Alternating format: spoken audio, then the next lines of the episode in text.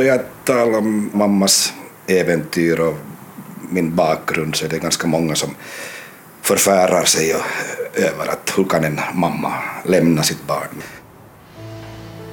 Skådespelaren och före detta teaterchefen Dick Holmström berättar om sin äventyrliga mamma, Ingrid Lönnqvist. Det är inte så många som, som känner till det. De flesta blir ganska överraskade och fascinerade över ett, en ung flickas äventyr från en liten by som Pargas. Det är nog en, en spännande road movie. Du lyssnar på dokumentären Brevmamman i regi av mig, Katarina Grönholm Kulmala och med ljuddesign av Jyrki Häyrinen. Det är första gången som jag juttar med någon så här on the record om de, om de här sakerna, om min bakgrund.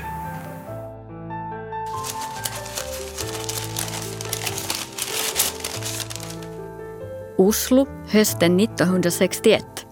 Den här stan är så förtvivlat borgerlig så man kan absolut inte vara här.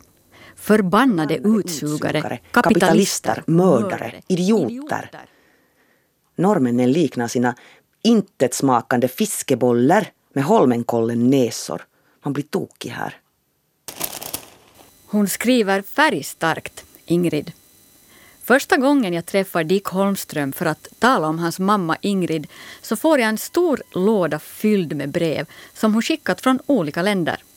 Hundratals handskrivna brev på nästan genomskinligt rispapper. Karachi 1962. Från Turkiet fick vi lift genom hela Iran ner till Karachi, Pakistans huvudstad. Bilens innehavare var den största idiot du kan föreställa dig. Och resultatet blev en bilolycka där ingen dog. Men bilen blev fullständigt förstörd efter att ha sladdat 100 meter, gjort två volter och landat på taket. Förutom till sin son så skrev Ingrid till sina föräldrar, syskon och så till bästa väninnan, Guy Avelan. Hej Guy. Jag tycker definitivt illa om Pakistan. Det allra värsta är deras vansinniga religion, islam, som de alltid kommer dragande med. Folk sover direkt på gatan, skitiga, sjuka och, och eländiga. Korruption från den högsta till den lägsta. Vi är urleda på alla kapitalister som springer omkring. Så nu har vi liftat till afghanistanska gränsen.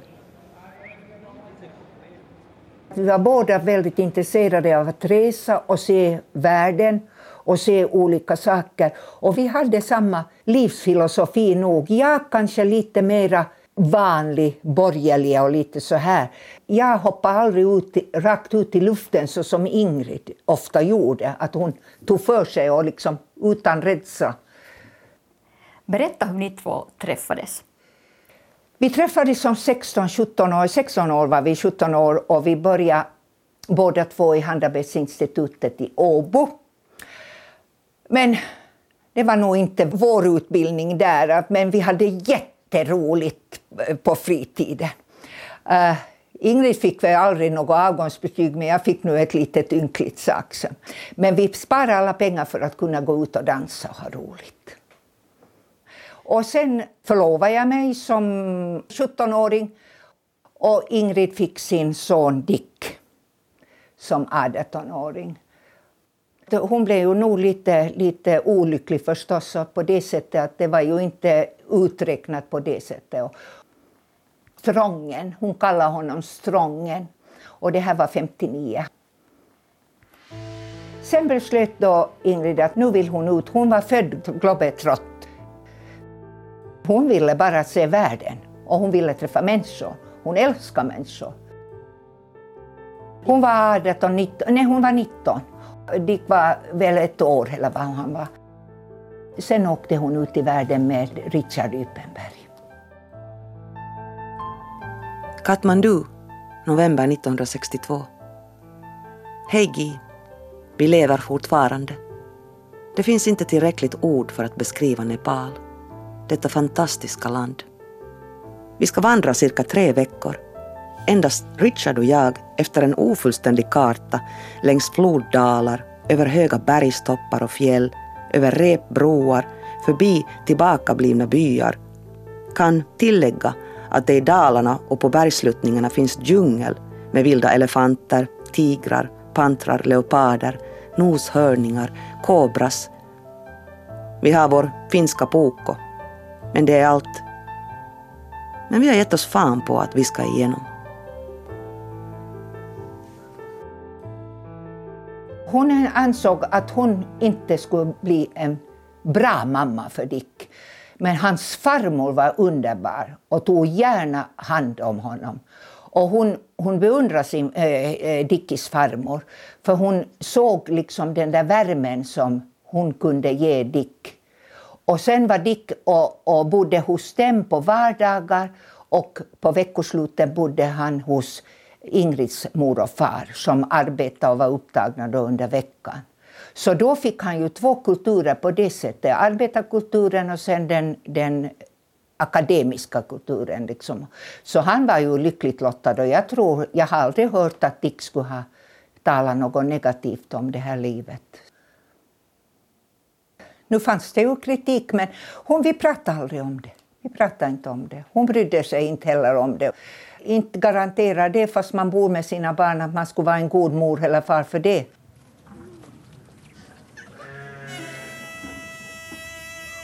Darjeeling, julen 1962. Så vi gick genom Nepal som vi lovade.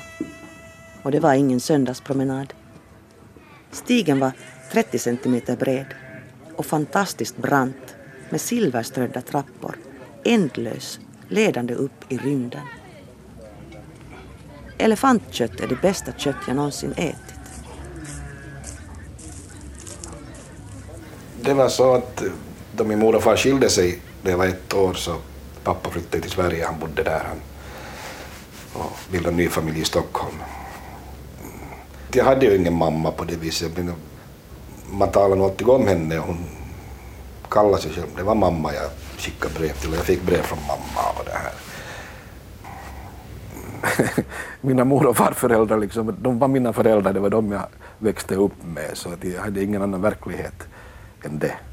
Men smärtan över föräldrarnas val? Den har jag inte upplevt. Nej. Och det har nog många förvånat sig över. Men jag var nog överlag jag var stolt över henne. Och sen så, så grubblade jag inte så mycket.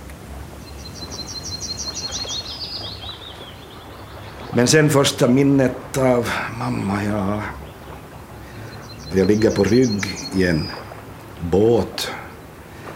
För då, 59, jag föddes i april, så hade min mamma och hennes syster en kiosk vid Nago färgfäste, en glasskiosk där de sålde glass och gjorde munkar. Och det måste ha varit den sommaren. Men det här är sån här som man jag ser bara en himmel och människor omkring mig.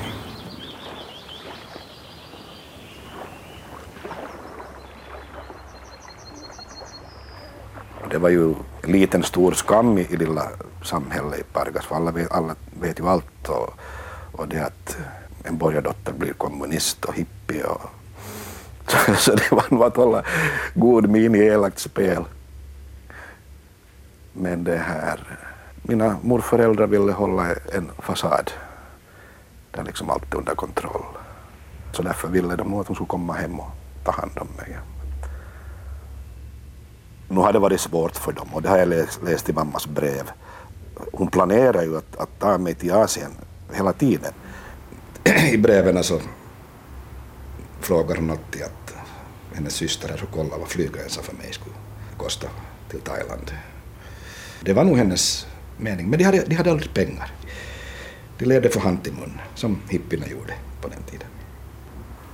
Det här. Och jag kommer nog ihåg då hon var hem då 69 så satt vi och, och pratade om det här och fantiserade att, att om jag kommer till, till Thailand med henne, vad vi ska göra. Men jag tog det nog mera själv som en kvällssaga. Det kommer jag inte ihåg att jag skulle ha liksom gått och väntat på att slippa till Indien med, med mamma.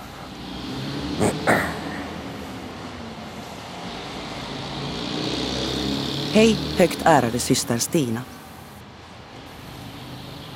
Jag kommer för varje dag mer och mer underfund med vilket litet stinkande land Finland är. Främst politiskt. Finland verkar vara kvar på medeltiden. Var försiktig med öldrickandet som är illa för hälsan och vanebildande, vilket marijuana däremot inte är. Du kommer visserligen inte att tro mig och enbart avfärda vad jag här har skrivit som något typiskt för lilla syster problembarnet Ingrid.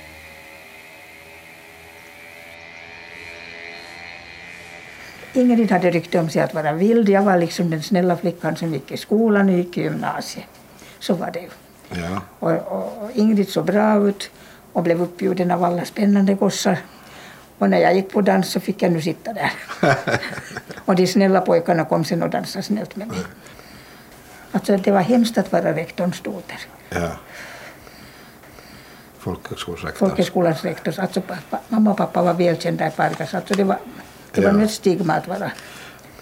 No, alltså, saken var den att vi kunde ju inte komma fort nog hemifrån. det var, alltså man behövde nog komma bort från.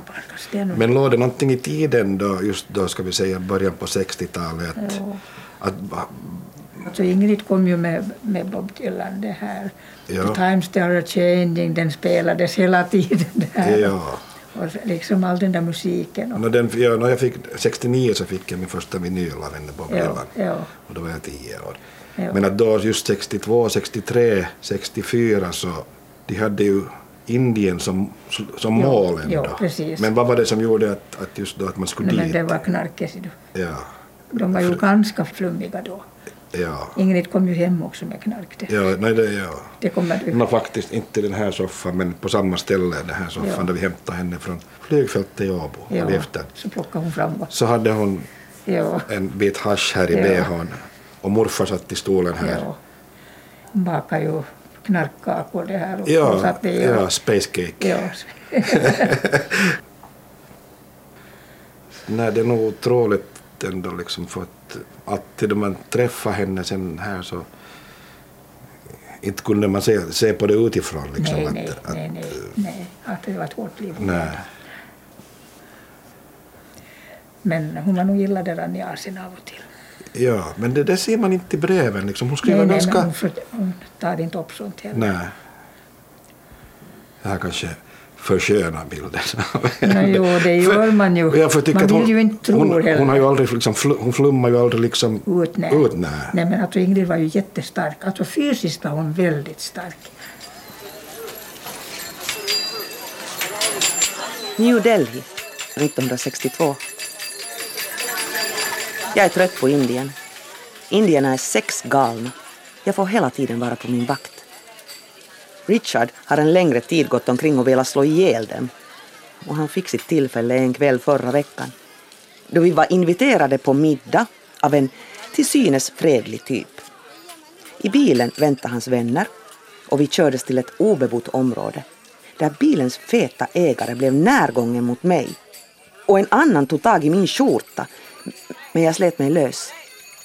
Richard slog den feta så han ramlade medvetslös och den andra fick en tom ölflaska krossad i skallen på sig, tänder utslagna, ena ögonbrynet uppslaget och näsbenet krossat.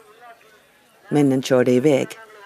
Men de kom snabbt tillbaka, letande efter oss, men kunde inte se oss i mörkret där vi låg vid vägkanten och gömde oss.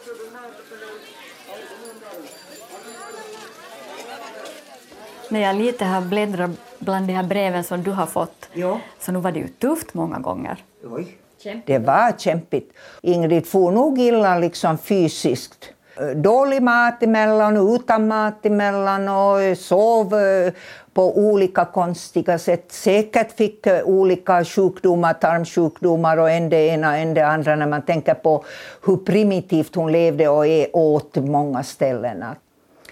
Och, och när jag frågade henne att tyckte hon det inte var så hemskt fattigt och, och, och smutsigt och, och äckligt så tyckte hon nej, det, det är ett fint land, Indien är ett fint land. Där började hon studera orientalisk filosofi och också organisk, just den här maten och allt det här. Och prata om jing och jang som jag inte visste någonting om och allt sånt här. Hon var en upptäcktsresande som arbetade sig fram. Jag reste varje gång med henne när jag läste hennes brev. Då gjorde jag också resorna. Bangkok hösten 1965. Hej Gi. Jag har inte sett Strången på nästan två år. Men jag får foton hemifrån och han ser ut att arta sig. Lika vild som förut dock. Det är förskräckligt svårt att vara borta från honom så länge. Men man kan ju inte vara på två ställen på samma gång. Han har nu börjat skriva brev till mig. Jag dikterar alltså. Och hålla i pennan då någon annan skriver. Och rita bilar åt mig. Ändå kan jag inte föreställa honom äldre än han var då jag for. På fotona verkar det som om han börjar likna mig lite. Underligt nog. Richard och jag gifte oss här i Thailand, så nu heter jag Ypenberg.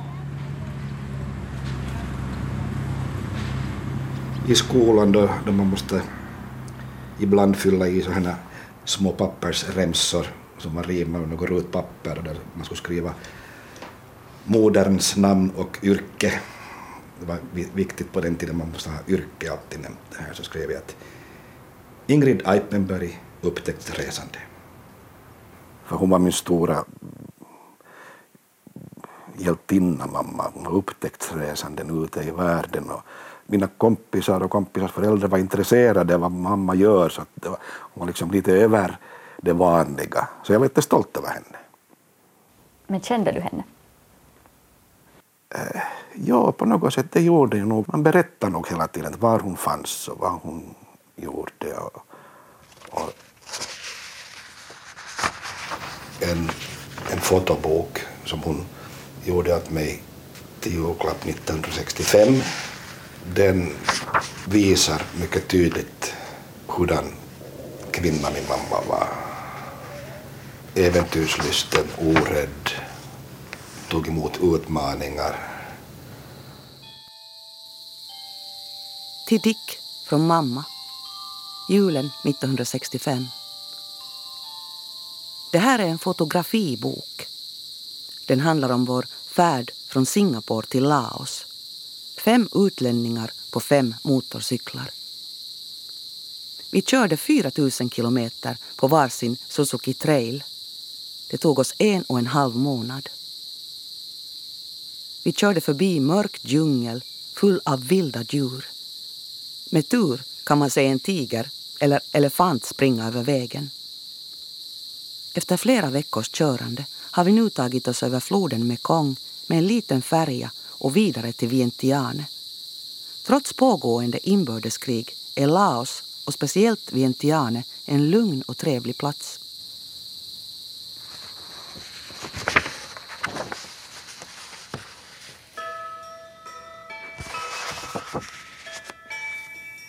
Vientiane, Laos, 1966. Hej mamma och pappa och tack för fem dollar. Vientiane är en rätt liten stad, ungefär som Pargas. Vi planerar att stanna här några år, trots alla varningar om att regionen är farlig och att man kan bli skjuten. Jag och mina vänner har öppnat en restaurang i en före detta bordell. Vi har döpt stället till The Third Eye. Köksväggarna är fulla av porrbilder, inget rinnande vatten och allt för mycket arbete. Först tidigt på morgonen till marknaden och handla, sedan laga mat och så diska på kvällen. Jag gör allt från pizza, hamburgare, wienerschnitzel till köttbullar, leverbiffar och kakor efter finska recept. Jag får mycket beröm för min mat. Just nu röker jag ganska mycket opium. Mer än vad som är hälsosamt. Snart blir jag väl beroende. Opium är trevligt. Verkligt avslappnande. Men igår kväll rökte jag sju pipor och blev sjuk. Jag känner ännu av det. Opium är lagligt i Laos och billigt. Alla brev jag skriver härifrån går igenom censuren. Så ni vet. Det beror på att jag enligt den amerikanska ambassaden är en kommunist och dessutom finns jag på listan över dem som röker opium och ganja.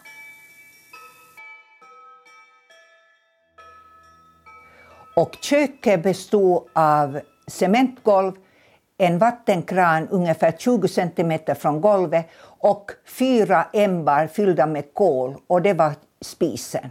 Så hon satt så som asiatiska kvinnor sitter och koka och kocka och hennes kunder var eh, lite rikare laoter, la, eh, eller vad man säger om det, och sedan amerikanska soldater.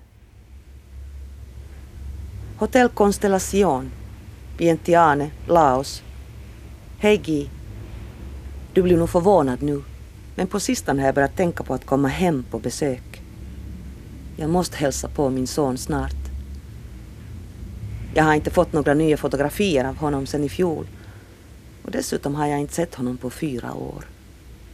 Jag undrar om han känner igen mig när han ser mig. Jag är inte säker. Eftersom jag inte har några pengar nu så hänger planerna på att resa till Finland i luften. Du ska nog finna mig förändrad om jag någonsin kommer tillbaka till Finland. Jag är en fullkomlig ateist och kommunist. Jag är utled på människor, speciellt hottentotter. Jag finner sällan en bok som är värd att läsa numera. Och jag är inte intresserad av biografer, nattklubbar, kläder, konst, tempel. Knappt ens politik. Jag tycker att nothing makes sense och jag vet inte vad som ska få mig att ändra åsikt.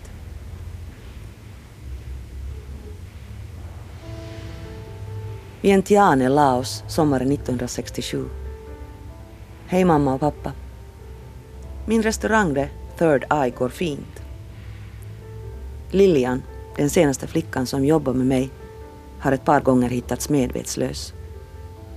Hon var nästan våldtagen av ett par kineser och förföljd av flera män då hon sprang ut i underbyxorna och behån. Vientiane har konstig effekt på människor. Speciellt liftare och flickor som av någon anledning befinner sig här ensamma. Svaga nerver, oerfarenhet och för mycket experimenterande med olika droger och ett konstigt samhälle är orsaken till att de blir tokiga. Men jag är i den typen som blir helt tokig så lätt, så var ej oroliga. Det är rätt intressant också att studera olika narkotikamissbrukare och användare av ganja och opium. Men också LSD, olika sorters speed som metamfetamin, benzo, dexamfetamin. Så finns det människor som skjuter heroin, morfin, opium, metodrin. Det är fantastiskt hur fort heroin kan göra ett vrak av en människa. Ett par månader av okontrollerat missbruk och en människa med svag karaktär är helt förändrad. Jag mår bra, som sagt.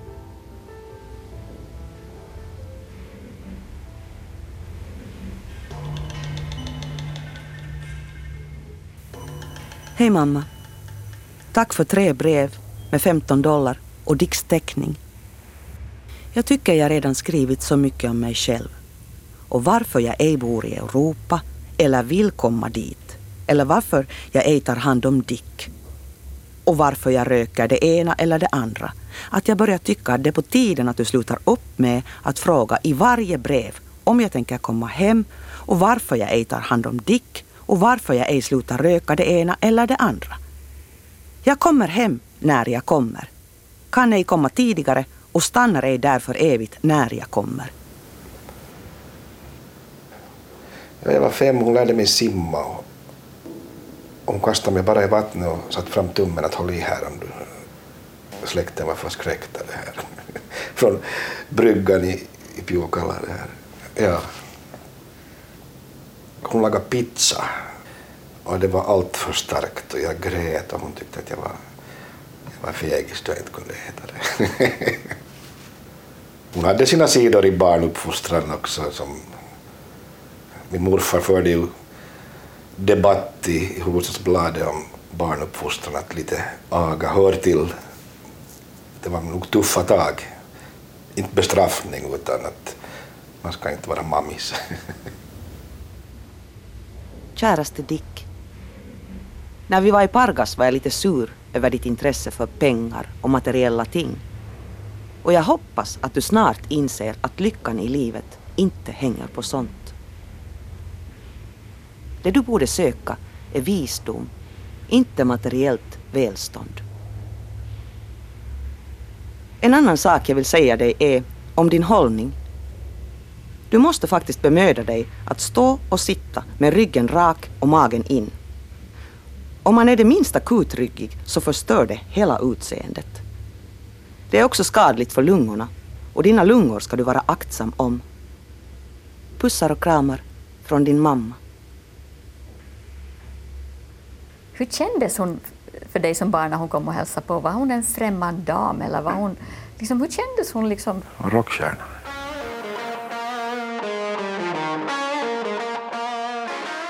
Då hon kom hem så hade hon afghanrock och blommiga byxor och långt hår. Så hon såg ut som en rockstjärna. Klädde sig lite som Jimi Hendrix tyckte på något sätt. Hej käraste Dick. I år kommer det inga julklappar härifrån, för vi har inga pengar för sådant. Mormor skriver att du går i skriftskola. Jag undrar varför influens skriftskolan har på dig. Kristendomen är bara en religion bland många och inte nödvändigtvis den bästa, kanske tvärtom. Den har orsakat mycket olycka i världen. Senare, med mera erfarenhet, kan du bedöma själv. No, jag försökte ju visa hur duktig jag var också, nog för henne. Och 73 som 14-åring så var jag på väg ut var en fredagkväll. Jag skulle fara till en kompis över natten. Och det sista som hon ropade till mig då, vi, då jag säger hej att vi far nu. Så att, har du kondom med? Så att, nej, nej, nej.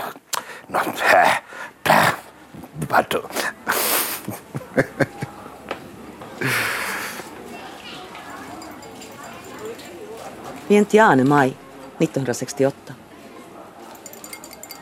Du har helt fått rökning om bakfoten mamma. På vilket sätt är marijuana värre än vanlig tobak? Marijuana är något helt annat än tobak, används för andra ändamål och har helt annan påverkan. De två kan inte jämföras, lika lite som man kan jämföra tobak och alkohol. Eller marijuana och kaffe. Det är förresten omöjligt för mig att komma hem och ta hand om Dick. Det är det bara du som vill. För att du inte kan lämna vaneföreställningen om att det nödvändigtvis är modern som måste ta hand om barnet. Kan du ej se att det är mycket bättre att jag ej tar hand om honom? Fåglarna vet vad det då blir av honom. Dessutom är jag ej särskilt intresserad som saker och ting är nu för tiden. Har han det antagligen bättre där han är. 66-67 då Thailand hade infört hippielistor att eh, hippierna kunde inte komma in i Thailand så där var de då upptagna på den listan, det gänget som hon rörde sig och, och hon skriver förvånar sig över att, att är man hippie bara för att man har långt hår, en axelväska och en minikjol. Så att inte så hon sig som en hippie men att nu efteråt så kan man nog konstatera att, att hon hörde nog till den första vågen av det som sen blev den stora hippierörelsen utan att medvetet bli hippien. Det fanns ju ingenting sånt ännu 62, 63. Vientiane sommaren 1968. Hej Visst är det otroligt hur olika liv vi två lever. Ibland har jag varit avundsjuk på dig och din familj och på tryggheten du har i vardagen. Jag har ofta som kvinna känt mig otrygg då jag reser ensam. Jag lever inte med Richard längre utan lever mitt liv med att experimentera med droger. Har pojkvänner för någon månad eller vecka eller bara några dagar. står inte ut med någon särskilt länge. Min senaste pojkvän var en amerikansk neger som jobbar för USAID. Han är mycket attraktiv. Men jag gillar inte hans amerikanska sätt att leva. Så jag lämnar honom. Men jag hatar att vara ensam. LSD har jag testat några gånger. Det var mycket intressant. Just nu är jag hög på opium. Alla här på restaurangen röker allt möjligt. Ibland är vi så höga att det är ett under att restaurangen rullar. Jag bakar hashiskakor och ganjakakor som är berömda här omkring. Men tidningarna skriver så mycket skit. Som att jag säljer heroinpajer utan att kunderna vet vad de äter. Faktum är att The Third Eye är stadens bästa restaurang och till och med kungafamiljen stöder oss trots våra långa hår och skägg och konstiga kläder. Hon ansåg att här ska vara fri, att det inte är så farligt. Att man borde få kunna odla och använda, att det är inte farligare än, än tobak eller sprit. Och de använde ju aldrig sprit. De var inte som, som vi finnar i allmänhet är, att vi är, eh, faller för spriten, utan men att hash och det där diskuterar vi ofta, för jag hade ju också små barn då och när de var här då och hon propagerade för det fria hashen så jag var ju jätteemot det och mina barn också tyckte nog att det var inkörsporten till då farligare droger också. Men, men att hon var nog ganska envis och ganska stabbig i sina åsikter emellan men att It's not good for you, sa hon åt barnen när de skulle äta något som inte var vegetariskt eller som var sött. och man skulle äta då det vegetariska och makrobiotiska. Och det var ganska bra. Och den thailändska maten var hon jätteskicklig på. Det införde hon åt oss också här på när hon besökte vår stuga i Hangö. Och alla mina barn tyckte att Ingrid var en jättegod kock. De tyckte om hennes mat, men misosoppa var inte god.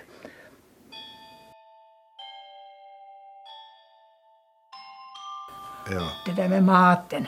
Ja. Ingrid var sån att när hon trodde på någonting så trodde hon på det. ja, det var Och först det, var där sådär. makrobiotiska och sen Ja. så var det Eat right for your blood type. Ja, och precis, sen, ja. ja. Och yin och yang fick jag höra. Yin och yang, oj herregud. Ja, det, Ja. ja, varje gång hon såg mig så att Ja. ah, du har lite för mycket tomater nu. Ja, ja. Ja, ja. Hon kunde se på folk vad de åt. Ja, Alldeles. påstod hon. Hon påstod, ja. Ja. ja. Hon anammar ju liksom den asiatiska filosofin från makrobiotisk levnadssätt till, från hinduism till buddhism. Hon, hon var inte på något vis akademisk i, i, i de här filosofierna men hon tillämpade dem enligt sitt bondförnuft, det som passade henne bäst. Och yin och yang fick jag höra liksom dag ut och dag in. Det där är för mycket yin, det där är för mycket yang, det där är för mycket yang, det där är för mycket yin. Så balans i allt. Eh, inte för mycket av det ena, inte för mycket av det andra. Var snäll mot allt. Man vara snäll mot stenar, man vet aldrig. Hon trodde på inkarnationen. Man skulle vara snäll mot stenar för att man vet aldrig om man kommer tillbaka som en sten i nästa liv.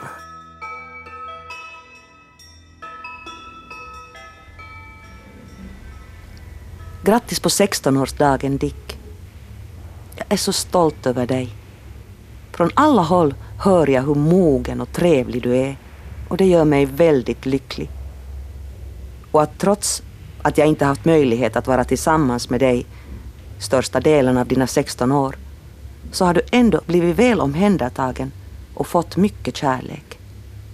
Det finns många människor som inte är lika lyckligt lottade. Det hade varit trevligt att kunna vara tillsammans med dig på din födelsedag. Men man kan inte få allt här i världen. Jag undrar varför du har beslutat att ta matematiklinjen nästa termin.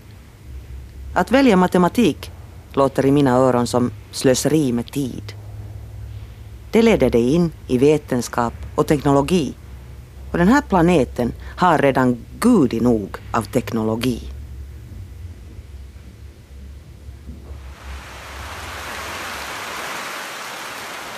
Vientiane juli 1968. The Laos Press påstår idag att vi alla är kommunister och att vi planerar att omkullslänga Laos regering. Ett högst vansinnigt förslag, men det bevisar hur farliga de tror att vi är. Saken är förstås den att de flesta regeringar i väst och alla regeringar som stöder dem börjar bli hysteriska på grund av alla riots och demonstrationer. De närmaste veckorna kommer att bli intressanta. Vad gjorde hon efter Laos? Då kom hon hem först till Europa en liten tid och sen åkte hon till Tokyo. Och i Tokyo så var hon engelsklärare för businessmän.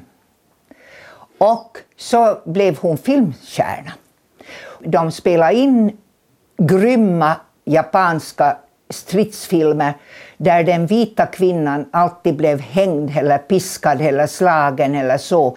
Och sen utökade hon sin kassa med att vara geisha i tehus på kvällen.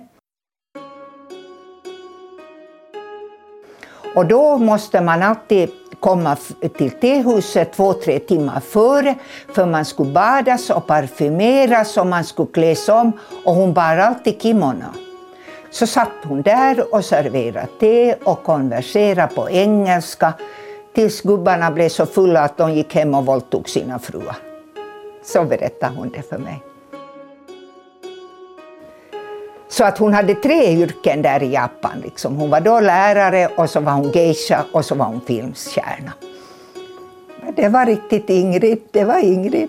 Och jag har gett åt Dicky de här fotona av henne, hon är, eh, hans mamma är geisha, uppklädd i geisha och jag tycker de var strålande.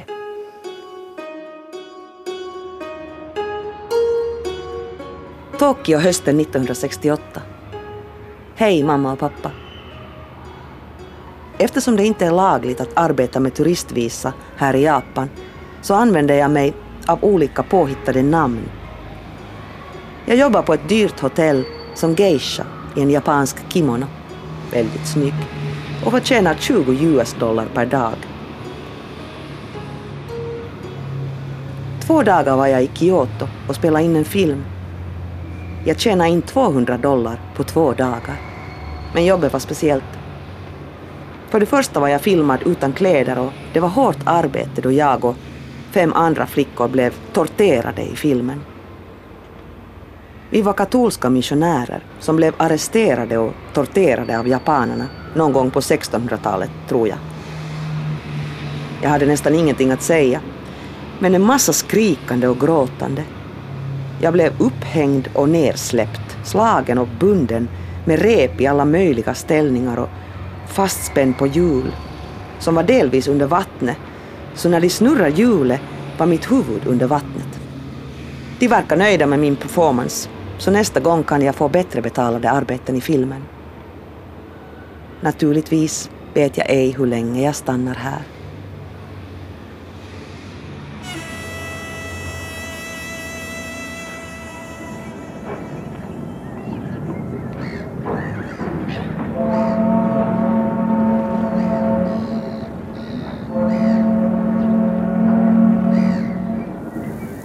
Siambukten hösten 1971. Hej Gi. Jag kom till Indonesien och tog jobb som kock ombord på en segelbåt. I besättningen fanns en trevlig jude från New York. Jeff Robinson. Vi började sällskapa och har fortsatt. Jeff köpte en gammal thaibåt och vi har nu seglat lite och lyckats undvika både stormar och pirater. Vi ska segla till Borneo och Sulawesi och lasta båten med ebenholts som vi sedan säljer i Singapore. På så sätt måste vi inte jobba åt fascisterna. Nästan alla jobb är att antingen direkt eller indirekt stödja kriget. Jeff blir erbjuden arbete av CIA. Men sånt ohederligt jobb kommer inte på fråga. Det ser illa ut som bäst då amerikanerna bombar allt och alla så in i helvete. Vietnam, Kambodja och Laos är mer eller mindre utbrända av jänkarnas bomber och napalm. Jag önskar vi kunde göra något åt detta, men vet inte vad. De gjorde jättefina resor och hade betalda gäster ombord. Och de trivdes jättemycket med det här livet. Och det var ju Ingrid, för Ingrid och havet, det har hållit hand i hand allt som hon var från barn. För då när hon var barn och bodde i Pjukala i Pargas så hade föräldrarna en båt där de varje sommar åkte ut i en till två månader var de ute i den åboländska skärgården. Koka och bodde och byggde allting på båten. Det var där jag tror att det där havet blev för Ingrid en, en livsstil. Singapore 1972. Vet du vad, Guy? Jag njuter av livet och är lycklig. Jeff och jag älskar varandra och allt funkar så bra att jag knappt kan tro att det är sant. Jeff och jag skulle vilja ha barn, men tills vidare ingen tur. Jag hoppas att mina tidigare äventyr inte gjort mig steril. Jag skulle vilja adoptera ett par barn från Vietnam, men Jeff är inte redo för det.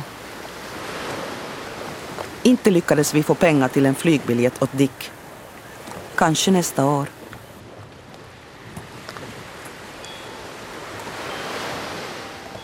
Singapore sommaren 1974. Käraste Dick. Du måste ha hört av morfar att vi åkte fast här i Singapore. Lagstiftningen om droger är jättesträng här.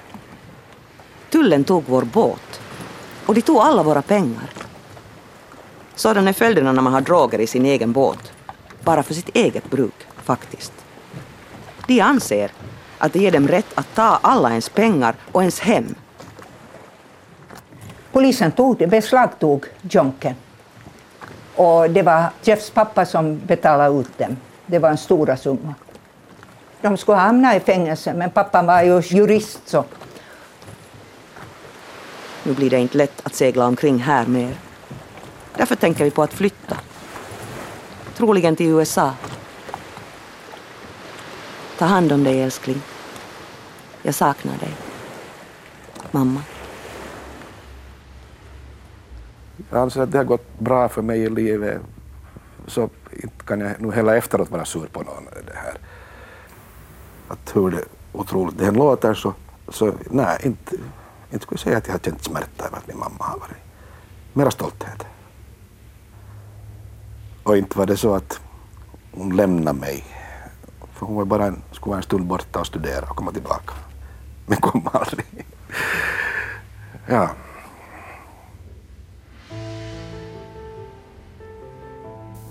Hej Gi.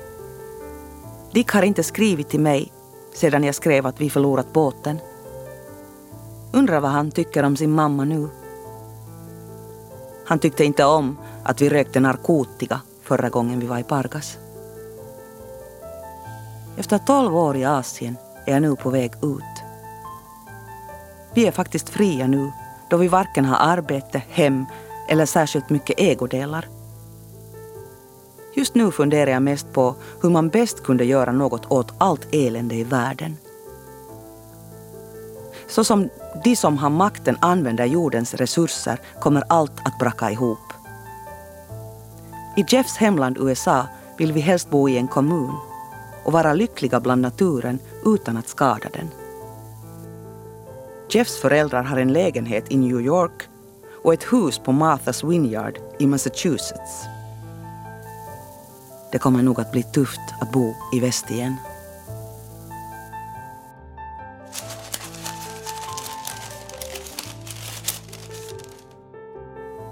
Till Pargas flyttade Ingrid aldrig tillbaks. Den inbitna kommunisten levde resten av sitt liv i USA av alla ställen. Men det är en annan historia. Dokumentären Brevmamman är gjord av mig, Katrina Grönholm Kulmala tillsammans med ljuddesignern Jyrki Häyrinen. Och det var Marika Parkkomäki som läste Ingrids brev. Förutom sonen Dick Holmström så hörde vi Ingrids syster Stina Boström och bästa väninnan Gi Avelan. Brevmamman finns också på Yle Arenan.